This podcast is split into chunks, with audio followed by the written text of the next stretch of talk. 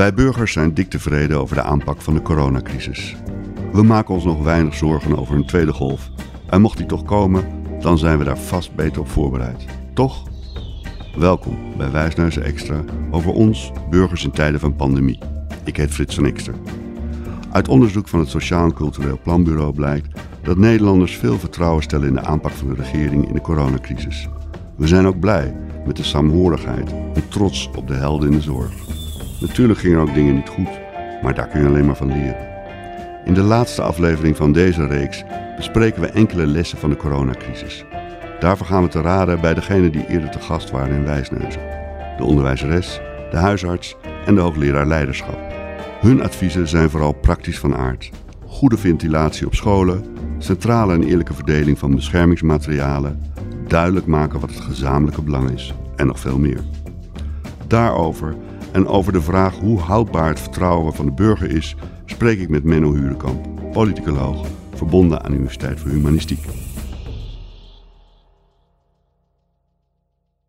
Uh, Menno, welkom.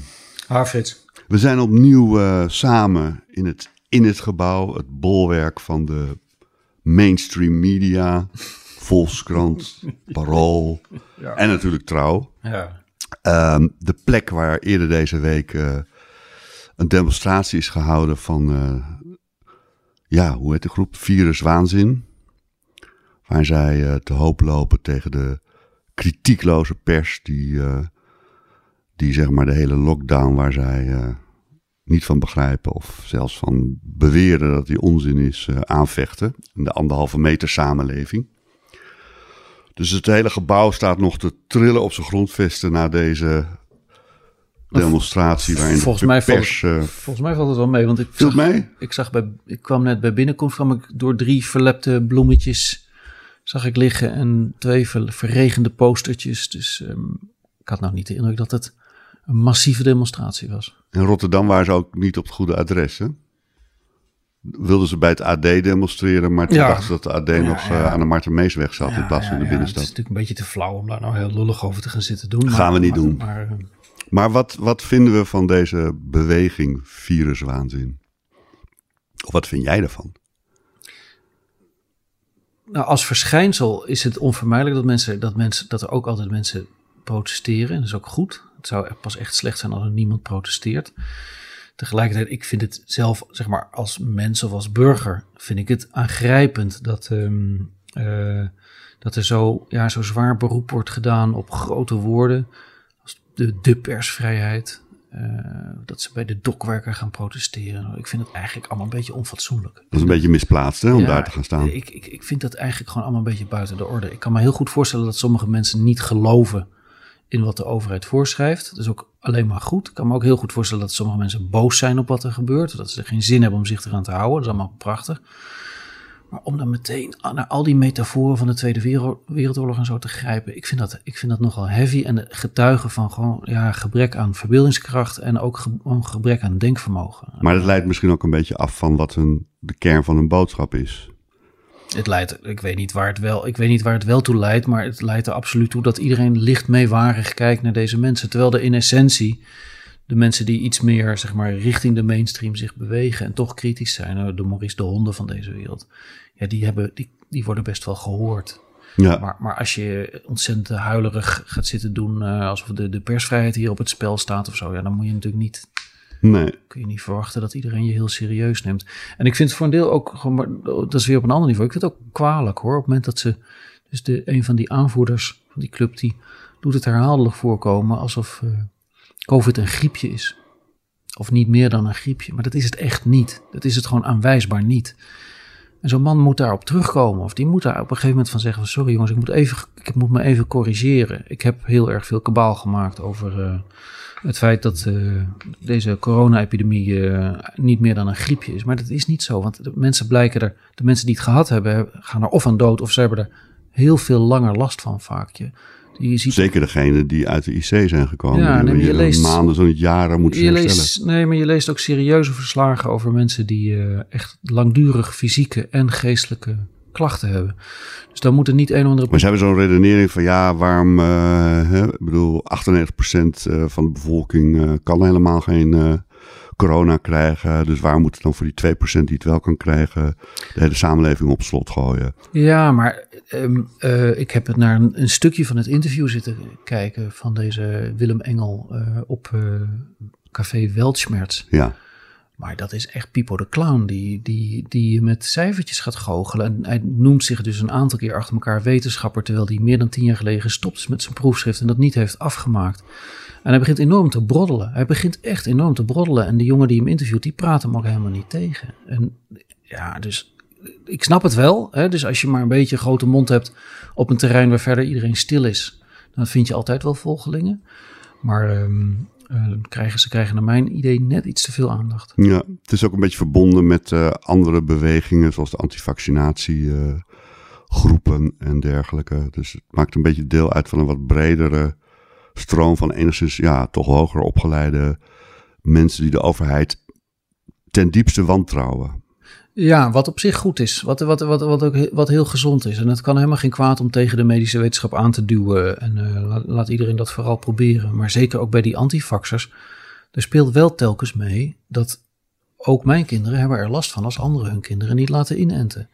En dat type gesprek komt maar moeizaam op gang met die antifaxers. En het zijn toch vaak mensen die ontzettend ongevoelig voor feiten zijn. Die als ze eenmaal besloten hebben dat iets zo is, dat ze daar liever niet, niet meer van af willen wijken. Nee. Ze krijgen ook betrekkelijk veel aandacht, ook van ons nu eventjes. Ja. Uh, terwijl ook bleek uit onderzoek van het Sociaal en Cultureel Planbureau dat ja, er eigenlijk een hele grote mate van steun en tevredenheid is over de aanpak van de overheid in deze crisis.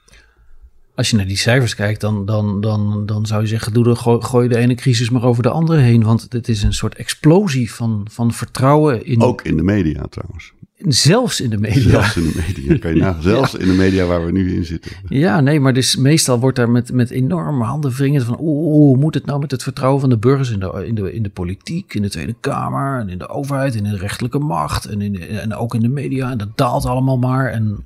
Um, uh, uh, de, de, dus daar zijn de, de, de, de, de uitleggers, de, de, de sociologen en politicologen zijn daar permanent heel erg druk mee. En als je nu naar die, die cijfers kijkt, zie je dat het piekt allemaal enorm omhoog. Bijna... Is dat te verklaren eigenlijk? Ik bedoel, het is bijna een beetje eng. Het is bijna een beetje ja. Chinese toestanden, zou je zeggen. Nou, of of ja. uh, de referendum in, uh, Mos in Rusland toestanden. Ja, nou, het is in die zin, het is een klassiek fenomeen dat, dat ook wel rally around the flag heet. Ja. In, in, in, in, naar, een, naar een, een andere studie uit begin jaren zeventig waarin, ja, waarin Amerikanen voor het eerst begonnen aan te tonen dat in een nationale crisis mensen graag zich rond de leider scharen.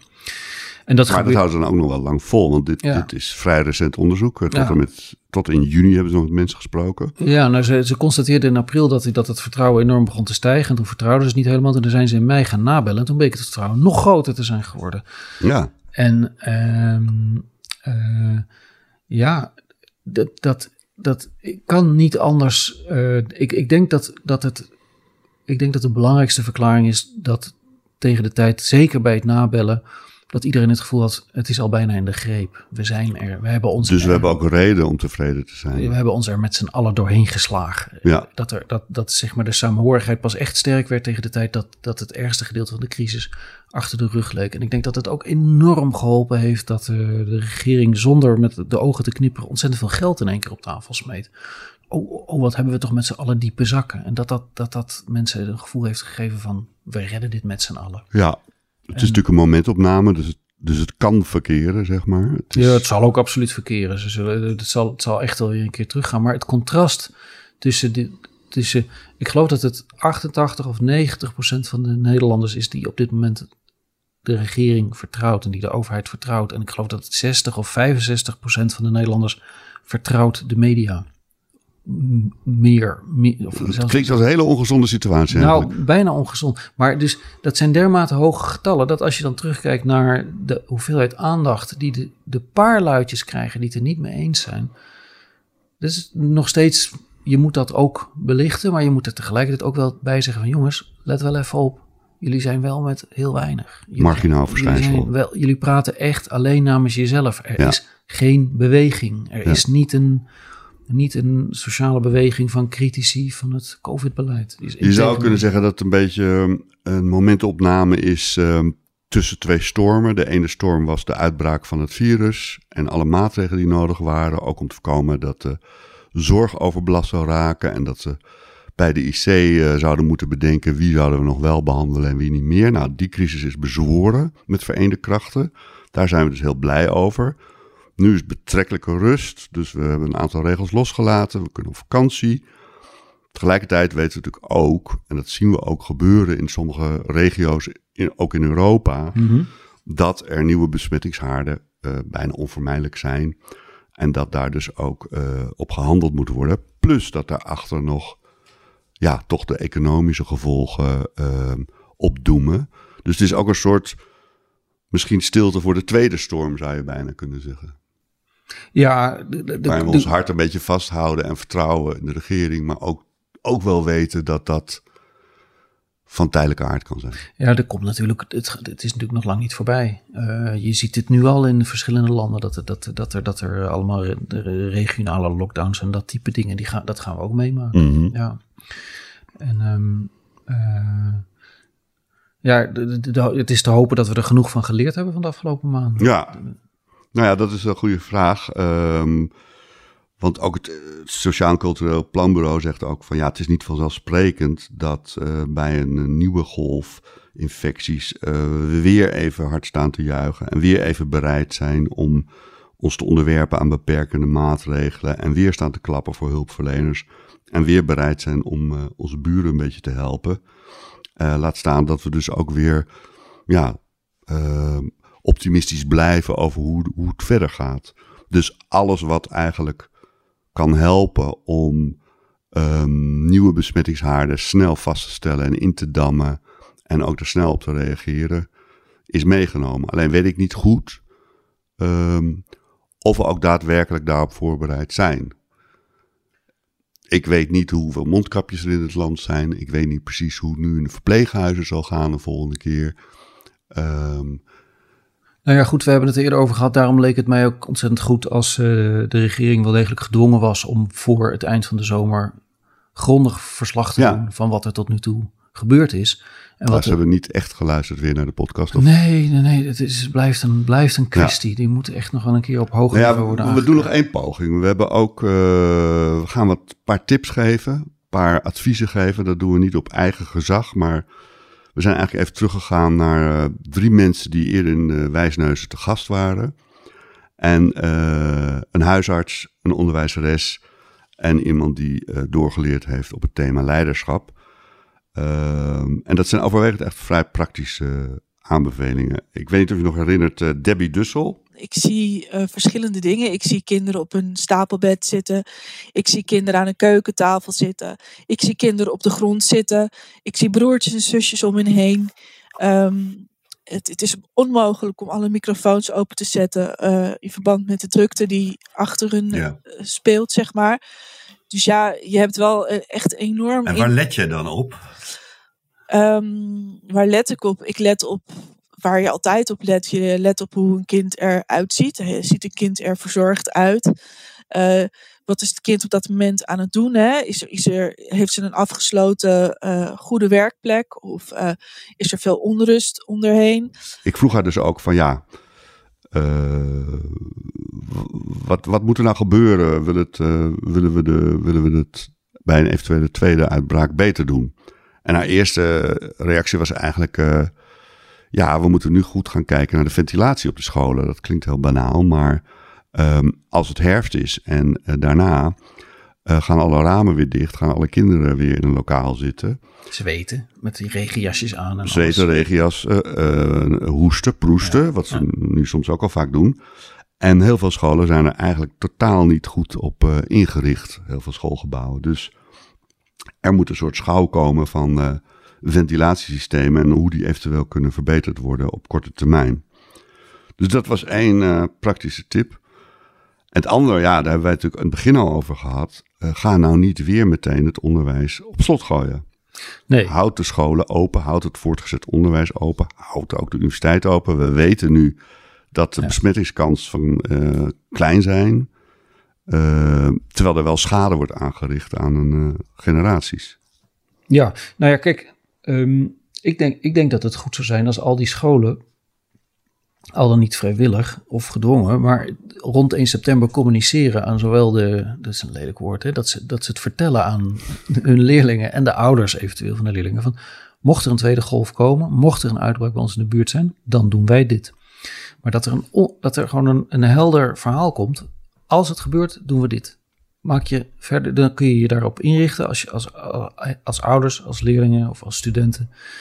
Dan kun je je gedachten er een beetje op aanpassen. Lijkt mij niet te veel gevraagd om uh, aan al die instellingen te vragen van jongens, zorg dat je dat op 1 september klaar hebt liggen. Dat je dat, dat je dat vertelt wat er dan gaat gebeuren. En het lijkt mij redelijk voor de hand liggend dat dat geintje met die basisscholen dicht, dat dat gewoon bij wet verboden wordt uh, een volgende keer. Uh, en dat die, die, die arts die dat op zijn geweten heeft om dat ooit in gang gezet te hebben, dat die, ja, dat die toch even een paar, voor straf een paar schoolpleintjes moet vegen. ja. Ja, maatschappelijke druk noemen ze dat destijds. Oh ja, maatschappelijke druk. Ja. Dus niet één, één mannetje, maar gewoon verschillende groepen. Ook verschillende medische specialisten destijds, volgens mij, die dat wilden. Ja, um, het woord communicatie, dus vertellen, viel. en dat is natuurlijk een beetje een rode draad in alle adviezen. Alleen is daarbij wel het probleem, maar dan zou je in ieder geval bij de eerste golf uh, als je maar een deel van de kennis hebt en zoveel niet weet, dan is het ook heel lastig om het goede verhaal te vertellen, omdat je dus voor een deel nog in duister tast. En daarin is natuurlijk wel iets veranderd. We weten meer, maar er zijn nog steeds een heleboel dingen die we niet weten van het virus. En pas recent is, en dan heb ik het niet over Maurice de Hond, maar ook over de wetenschappelijke wereld, inclusief het RIVM, is het feit dat het, zich het virus zich kan verspreiden ook door uh, verstuiving van uh, ja, vochtdeeltjes ja, ja. die in de lucht blijven hangen, is eigenlijk een nieuw element geworden. Dus je moet ook nog uh, dingen vertellen, terwijl je het niet tot achter de komma precies weet wat er gebeurt. Met nou, ik vind het, daar, het valt me daarbij wel een beetje tegen van Maurice de Hond en vergelijkbare mensen, dat ze niet genoeg incalculeren dat zo'n club als het RIVM die wordt betaald om met zo groot mogelijke zekerheid dingen te zeggen. Die worden niet betaald om te speculeren. Het is, we verwachten van zo'n soort instituut dat de dingen die ze zeggen, dat dat ook behoorlijk klopt. Dat betekent dat ze, ja, dat ze altijd een tijdje moeten wachten tot er genoeg onderzoek ligt om echt met grote zekerheid iets te zeggen. Maurice de Hond kan zich makkelijk veroorloven om te scoren. Want zit die fout, nou ja, jammer dan. Er komt volgende, vol, over een half jaar is er weer een nieuw project waarop hij zich kan laten gelden. En het tast wel een. Dus het gezag van het RIVM wordt ten onrecht. En, en de WHO wordt ten onrechte een beetje ondergraven door mensen die zeggen: van ja, wij zeggen dit al maanden. En jullie hebben niet geluisterd. Maar er zijn natuurlijk critici uit alle windrichtingen die allerlei dingen al maanden zeggen. En dit ene deeltje, dat blijkt dan inderdaad, dat blijken ze dan gelijk te hebben. Maar er zijn natuurlijk ontzettend veel dingen gezegd. Waarvan het gros achteraf onzin is gebleken. Um, en ja, om, dus, dus ik, sorry dat ik dit er even tussendoor gooi, Frits. Maar ik wilde dit toch even kwijt. Je wilde het kwijt, hè? Ja, ik wilde toch even kwijt dat het... Het, het kan u nog. Het gezag van relatief traag werkende instituten kun je makkelijk ondergraven door te zeggen van ja, jullie hebben niet de, de laatste stand van zaken van de wetenschap bij je. Ja, nee, gelukkig niet. Gelukkig lopen ze zes weken op de, achter de achter Wat de toch feiten. wel moeilijk uit te leggen is in een crisis. Ja, maar als mensen daar al niet mee kunnen leven, dan, uh, ja, dan, dan, dan heeft het eigenlijk allemaal helemaal geen zin. Dan moet je echt heel diep onder, onder je dekbed blijven liggen, want er zit altijd een beetje onzekerheid We in. moeten le leven met onzekerheden en marges en uh, daar uh, voorzorgen nemen. Nee, nee, nee, nee, nee. Je kunt niet van een academisch instituut verwachten dat het permanent meesurft op elke golf van iemand die denkt: oh, is dat misschien de oplossing? Of is dat misschien de oplossing? Uiteraard. En de verontwaardiging van de hond, hij heeft een punt gehad, maar de verontwaardiging waarmee hij doet alsof ja, alsof hij ten onrechte maanden genegeerd is. Nee, het is natuurlijk niet genegeerd, want het is ook niet voor niks dat dancings en uh, nachtclubs en discotheken nog gesloten zijn, omdat ja. dat ruimtes zijn ja. waarin dat ja. natuurlijk risico groot is. Maar misschien geldt dat ook wel voor uh, klaslokalen in de herfst of in de winter. Dat, dat, dat, dat is een zorg. Ja. Over zei uh, Debbie Dussel ook, de, de onderwijskracht uit Amsterdam, hoe belangrijk het is om te investeren in contacten met de ouders. Want als er toch, wat wij niet willen, weer een sluiting van scholen komt, dan is eigenlijk doorslaggevend voor uh, zeg maar uh, het verdere leren van het kind. Dat die ouders aan boord zijn. En ja. dat die samen met de leerkracht, uh, virtueel of anderszins, dat gat proberen op te vangen. Ja, maar, maar vandaar ook dat ik zei, en ik denk dat Janka Stoker, dat zit volgens mij ook een beetje in haar punten. Janka Stoker, dat is uh, goed dat je het zegt. Die was ook in. Uh, toen, daar was jij niet bij trouwens. Dat was dat interview was zo. Ja. Was het interview wat. Nee, je was met vakantie. Dat interview ging toen heel erg goed, omdat jij er niet doorheen ah, kwam. Oké. Okay, uh, maar die had het over leiderschap.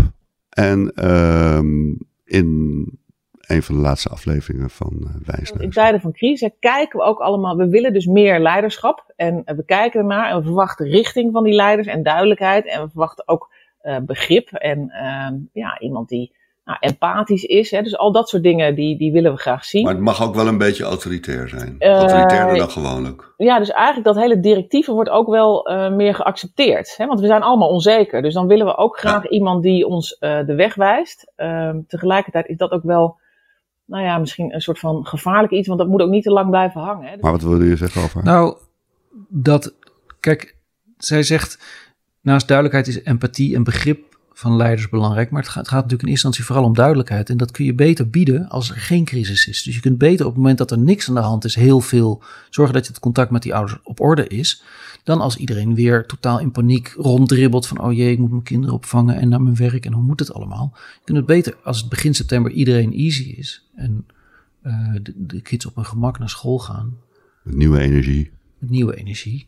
Dan weet je zeker dat je de ouders bereikt op het moment dat ze ook openstaan voor wat je probeert te zeggen. Ja, dus, dus het is te hopen dat deze, ja, laten we maar adempauze noemen of hoe nou, je dat die moet noemt, je dus uh, maximaal gebruiken om Ja. uh, een stukje draagvlak uh, naar de ouder toe te creëren. Ai, stukje draagvlak. Ik wist niet, had niet gehoopt dat je dat zou zeggen.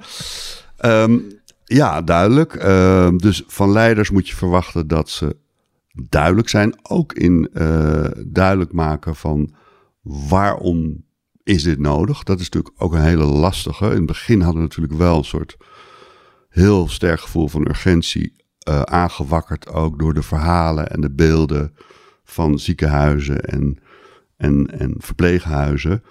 Uh, dat is natuurlijk nu een beetje weg. Dus om, als er opnieuw een beroep wordt gedaan op de burger om zeg maar uh, die verantwoordelijkheid weer te nemen die de regering van je vraagt, dan moet die regering ook wel duidelijk maken, nog duidelijker misschien, waarom we die solidariteit dan ook moeten hebben.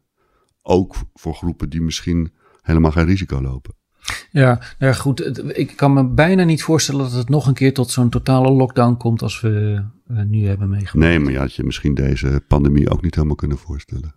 Nee, daar heb je gelijk in. Zelfs helemaal niet. Maar um, um, het is. Ik, de, de, het is bijna niet voorstelbaar dat het werkt om het nog een keer op deze manier te doen. Dat, dat, dat... Nee, maar je kunt je misschien wel voorstellen dat hè, uh, een provincie in een lockdown ja. gaat, of een grote regio of een stad. Ja, en ik verwacht eerlijk Waarbij, gezegd... Waar eigenlijk dezelfde dingen spelen zoals destijds in heel Nederland speelden, maar dan in een kleiner gebied. En als je dan kijkt naar die cijfers van het Sociaal en Cultureel Planbureau, dan denk ik dat je kunt voorspellen dat de mensen in zo'n gebied met plezier zullen meewerken, met plezier zullen bijdragen. Omdat, ze er veel dichter op zitten. Ja, en omdat ze zich op de een of andere manier blijkbaar echt al vrij massaal mee verantwoordelijk voelen. En dat is best bijzonder hoor. Ja, terwijl je in maart, april, als je bij wijze van spreken in Friesland woonde, toch ingewikkelder vond om je voor te stellen hoe het is om in Brabant uh, te verkeren in die stresssituatie. Het is eigenlijk interessant dat je dat zegt, want je zou die cijfers nog eens moeten uitsplitsen per, per kijken, want ik, dat, dat is inderdaad niet te zien. Nee. Het zou best dus kunnen dat al die Friesen massaal, zijn, zijn nu niet zo heel veel Friesen. Dus in, de, in het totaal op, op 17 miljoen Nederlanders maken die paar Friesen niet zo heel veel uit. Maar als die alle, alle 36 of hoeveel Friesen zijn er, als die allemaal... Ik hoop niet dat Friesen luisteren, want het, die gaat achter elkaar een aantal uh, Maar als die allemaal zeggen van... Kwalificaties uh, over. Ik ben helemaal gek op Friesen, dus ik snap niet waarom je dat zegt. Als die allemaal zeggen van, gooi het maar in mijn pet met dat beleid. Dat zou natuurlijk kunnen. Dat, dat, dat, er, dat, dat er op de plekken waar het helemaal niet geweest is, dat het verzet veel sterker is. En ze zouden gewoon de, dan de tractoren om Friesland heen moeten zetten. Ja, nou goed, dit verleidt me nou niet tot nog meer. uh... um, een ander uh, chapiter, hoofdstuk. Uh, Marjolein van Mesdag, huisarts Eindhoven, die hadden we ook in een mm -hmm. uitzending van uh, Wijsneuzen. En wat ik het meest bizar vond, was dat, nou, er is een heel protocol voor wat je allemaal aan moet trekken als je bij iemand thuiskomt die misschien corona verdacht is. of die corona verdacht is. Um, nou, er zit een hele handleiding bij wat je dan eerst moet doen en wat je vervolgens moet doen. Maar in de, in de gang van een patiënt of buiten sta je dus met een heel krat met spullen je onhandig aan te kleden. Uh, Ja. En dan kom je als een, nou ja, uh, Maanmannetje. een soort maanmannetje kom je binnen. Ja. Waardoor het contact met die patiënt heel um, vreemd is. Tenminste voor mij. Nou ja, ik, ik vond dat, ik moest daar ontzettend aan wennen. En ehm, wij hebben haar, ook haar gevraagd van, nou, stel dat het weer zover is, wat zou er dan beter moeten gaan? En ook zij is eh, behoorlijk praktisch. Dus haar grote punt was natuurlijk destijds, we hadden allemaal protocollen, maar eh, er waren geen beschermingsmaterialen. Toevallig had één collega, geloof ik, eh 50 eh, monddoekjes weten te bestellen. Dat vond zij toen nog wat overdreven. Maar er was geloof ik één jas per dag, of minder. Ehm, en dus zij zegt, ja, eh, en iedereen, elke praktijk of groepspraktijk, ging dus zelf op zoek naar eh, eigen materialen. Nou, probeer dat nou centraler te regelen. Dat is natuurlijk ook een rode draad, dat je in die duidelijkheid ook wil. Dat hoeft natuurlijk niet op landelijk niveau, dat kan ook op regionaal of plaatselijk niveau. Maar dat beschermingsmaterialen eerlijk verdeeld worden over alle takken van sport in de zorg. Ja, maar daar is inmiddels toch wel zoveel over gezegd. Het zou voor de hand Ja, liggen, hè? dat mag toch leiden dat dat nou wel... Nee, dat moeten we dus. Ik weet het niet zeker. ik, ben daar, ik ben daar heel gerust over. Je hebt ook zoveel vertrouwen. Ja. Ja. Ja. Nou goed, maar het is wel een logische eh, aanbeveling, lijkt me. Ehm, en wat ze ook zei is. ehm, wat natuurlijk een groot probleem is, is de uitgestelde reguliere zorg. Ja, dus de zorg, hè? dat is wat ze eigenlijk zegt. Scheid- Bij een grotere uitbraak, hè? Ja, bij een kleine is dat ondoenlijk, maar bij een grotere uitbraak moet je dus niet hebben dat één ziekenhuis zowel de reguliere zorg nog overeind moet zien te houden, als afdelingen heeft waar coronapatiënten liggen. Ja, daar durft ook niemand meer te komen. Eh, dat loopt gewoon in het honderd. Dus Ja.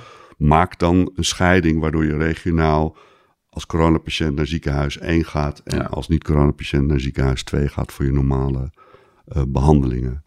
En ook bij haar geldt natuurlijk, eh, ja, vertel het verhaal, communicatie, dat blijft eh, altijd een van de lastigste dingen in dit soort situaties. Maar ook hier, zij, zij hadden dus in het begin, ehm, werden ze overspoeld eh, door mensen met vragen. En het was natuurlijk al niet eens de bedoeling dat ze de praktijk binnen zouden komen. Dus we hebben letterlijk eh, de deuren moeten sluiten. Maar je krijgt dus tienduizenden vragen. Ehm, ook werkgevers die werknemers met een kuchje doorverwijzen naar de huisarts. En die kunnen dat gewoon niet aan. Ja, ja, ja. En nu heb ik wel het idee dat dat in de loop eh, van maart, eh, april wel centraal veel verbeterd is. Maar dit was in ieder geval in de eerste hectische periode een, grote, een groot probleem. ja, maar ik denk dus dat er wat dat, dat, de, dat er zijn natuurlijk heel veel steile leercurves geweest. Er zijn natuurlijk op heel veel plekken is heel snel Ja, heel veel eh, informatie verzameld. En dat wordt, kan nu veel makkelijker uitgerold worden. ja, Dus, dus de, de, de crux van een, van een eventuele tweede uitbraak zit er voor- vooral in of, ja, of de, de, de, de, de, de mensen die dat moeten organiseren, of die erin slagen om de mensen, de, andere, de mensen mee te krijgen. Sorry, jullie mogen niet naar je werk. Sorry, je mag de weg niet op. Sorry, je mag de flat niet uit. Sorry. Of je dat, of je die meewerking, of je die in stand kunt houden. Daar, Ja. daar, daar zit het denk ik vooral in. En dat Ja. kan alleen maar blijken dat als het zin heeft dat je dat doet. Dus je moet kunnen laten zien van ja, we sluiten jullie nu op, want het heeft zin. Maar dan moet dus die hele indampstrategie, hè, dus voordat de, toen de, de crisis zich nog niet in Nederland aandiende, de pandemie, maar wel al eh, in Europa was. Toen was natuurlijk de mantra van veel mensen, ook van de GGD's.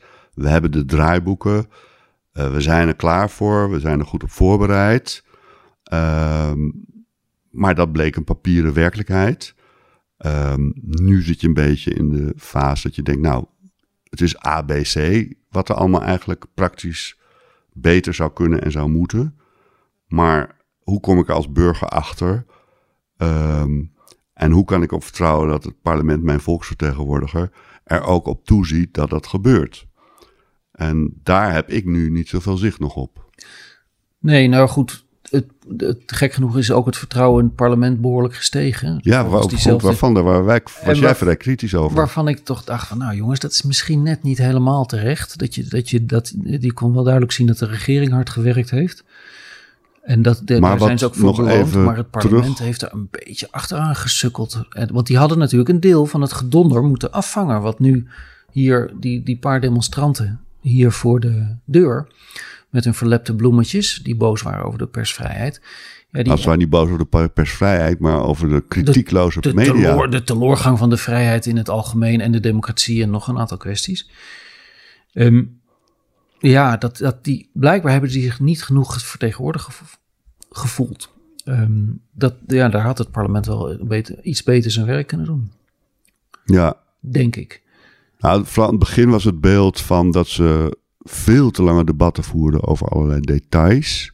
Later is denk ik het beeld wel in die zin bijgesteld dat de, je had dus die expert-meetings met eh, mensen van het RIVM, waarin Kamerleden allerlei technische vragen konden stellen. Dat hielp wel om het debat eh, later die dag met de regering eh, of de kabinetsvertegenwoordigers eh, wat zakelijker en wat meer to the point eh, te houden. Maar wat miste je dan? Wat miste je dan eigenlijk in de. Nou, je kunt niet zeggen, per se zeggen dat er, dat er, iets, dat er iets ontbrak om eh, het beleid beter te maken. Je kunt wel zeggen dat er misschien iets ontbrak wat mensen het gevoel, zeg maar de mensen die zich niet vertegenwoordigd voelden, het gevoel van ja, het gaat ook over mij. Ehm, eh, dus het soort kritiek wat nu eh, naar buiten dwarrelt via Maurice de Hond en via de, de, de, de, de viruswaanzin mensen. Dat kwam in eerste instantie en ook in tweede instantie kwam dat via het parlement maar heel mondjesmaat. Ehm daarvan denk ik, dat had, daar hadden ze zelf eerder leidend in kunnen zijn. Ehm, eh, tegelijkertijd, het is niet goed of het deugt niet. Hè? Het, ik bedoel, Ja. als je het even afzet tegen de, het wantrouwen dat in Frankrijk, of laat staan in de Verenigde Staten, tussen burgers en de overheid, dat is er zo extreem groot. Dus de Nederlandse marges zijn, gewoon, zijn heel klein. En, en, en En dat zie je ook terug in zo'n onderzoek. Dat ze Ja. overwegend ja, dus het, het, blij zijn. ja, over het, de- over het gros en Naast het verdriet wat er ook is. ja, eh, de, de, de, de, de Nederlanders dwarrelen eigenlijk redelijk happy rond hun, eh, hun, eh, hun overheidje heen. En ja, ja, absoluut. We zijn blij, de, de burgers zijn blij met de overheid tot nog toe. Regering, parlement. Ehm, en ze hebben ook eigenlijk een groeiend vertrouwen in de media. Hoe de media hebben bericht over corona tot nog toe. In tegenstelling tot degene die zeg maar hier buiten geprotesteerd hebben. Eh, maar hoe, hoe terecht is dat, denk je? Nou, ik, ik denk, ik vind het op grote lijnen terecht. Ehm, als, het, als de wetenschap zijn best doet om te vertellen, we weten 95% wel en 5% niet. Dus we, we weten niet zo heel veel over het virus. We doen ons best om er zoveel mogelijk over te weten te komen. En daar mag u ons over een jaar op afrekenen. Dan moet de media niet gaan suggereren dat ze, dat ze het wel allemaal heel veel beter weten. En dat er misschien eh, dingen achtergehouden worden. Ehm, dan, dan, vermoed ik dat het, het, ik vermoed dat het bijgedragen heeft aan het vertrouwen dat het gros van de media geprobeerd heeft om op een ongeveer hetzelfde, wat vertraagd ritme mee te deinen op wat er met deze crisis gebeurt. En Maar enigszins volgzaam dus. ja, maar ik denk niet dat het een verwijt is als je in een, in een crisissituatie volgzaam bent. Ik, dat is niet per se een verwijt. Eh, Je kunt in een crisissituatie heel, heel goed bijdragen aan de oplossing door op je tellen te passen en geserreerd te zijn en bedachtzaam. En dat is, dat, dat, dat, dus je hoeft niet per se je credits te verdienen door niet volgzaam te zijn als de chaos groot is. Dat is, voeg je niet noodzakelijk kwaliteit toe. Als je dan zegt, oh, oh, oh, oh, kijk mij zijn eigen mening hebben. En je, je, je zaait alleen maar paniek. Ehm, dat is niet per se een verdienste. Ik ga niet zeggen dat het verboden is, maar het is, niet, het is waarschijnlijk niet de weg naar kwaliteit. Dus wat jou betreft is het ook wel terecht dat het vertrouwen in de media wat is toegenomen. Door de manier waarop ze bericht hebben over de crisis in de eerste fase. Kijk, het is, was natuurlijk tot op grote hoogte net de jaren 50, toen, toen de, de hoofdredactionele commentaren gewoon gedicteerd werden vanuit Den Haag. Eh, dus de, de, waar de baasjes van de zuilen die dicteerden aan de verschillende kranten van jongens, we morgenochtend graag dit schrijven over hoe het zit in de wereld. En dan zeiden die hoofdredacteuren, oh, oh, oh, nou, dan gingen ze dat op zitten tikken.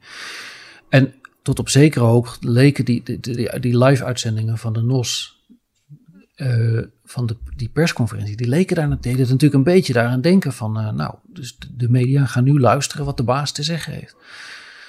Ehm, Maar ja, dus daar kun je heel cynisch over doen of uh, lullig. Maar tegelijkertijd, ik kan me ook gewoon niet zo goed voorstellen hoe je het heel veel anders had moeten doen. Ik kan me niet, niet voorstellen dat je, gegeven de beperkte kennis die iedereen heeft, dat je, dat je een heel ander circus optuigt waarbij je een totaal ander verhaal vertelt met gezag. Waarvan je zegt van ja, dit is ook waar. Ik, kan, ik denk niet dat het heel veel anders had gekund. Dus ja, dat mag.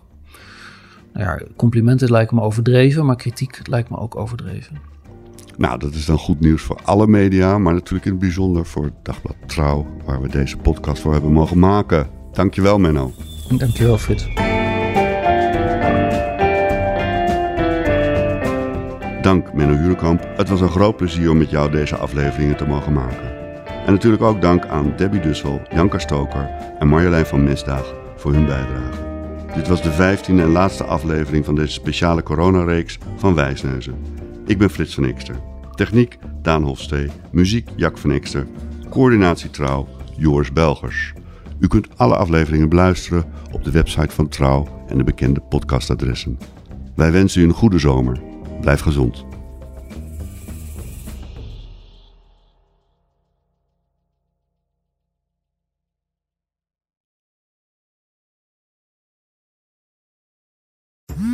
Worden dagelijks overladen met overbodige informatie. En het is moeilijk de zin van de onzin te scheiden. Daarom vertrouw ik op echte journalisten in plaats van meningen.